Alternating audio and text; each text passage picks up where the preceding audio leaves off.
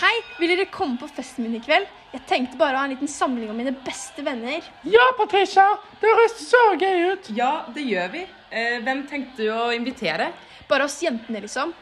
Skal du ha fest, eller, Patricia? Nei, Dave. Jeg skal bare ha jentene over hos meg. Så jeg får ikke komme, eller? Eh, nei, Dave. Æsj.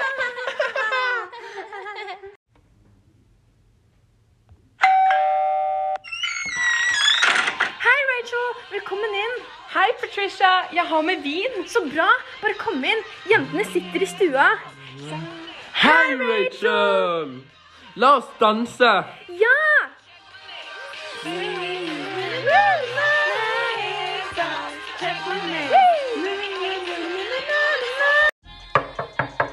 Hvem er det? Har du invitert noen flere? Nei, det var bare dere. La oss gå og åpne. Eh, Er det her det er fest, eller? Hva faen gjør dere her?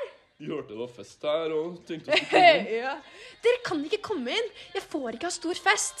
Det går bra. Slipp det inn. Det blir gøy med mer gutter her. Nei, gå ut! Få noe ordentlig musikk på, da!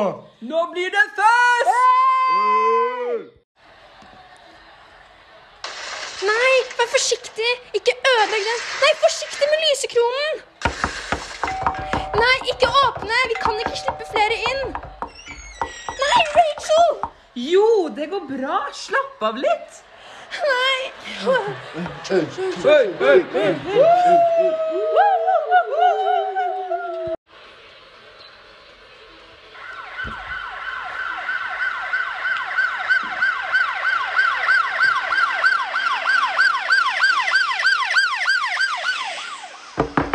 Hei, politi, åpne! Åpne!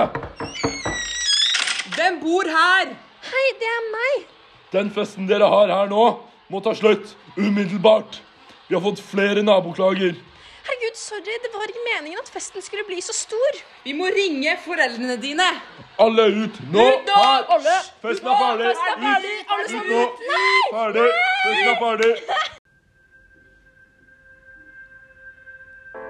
Det Patricia lærte den dagen, var at noe som bare skulle være en liten samling, fort eskalert til en fest helt ute av kontroll.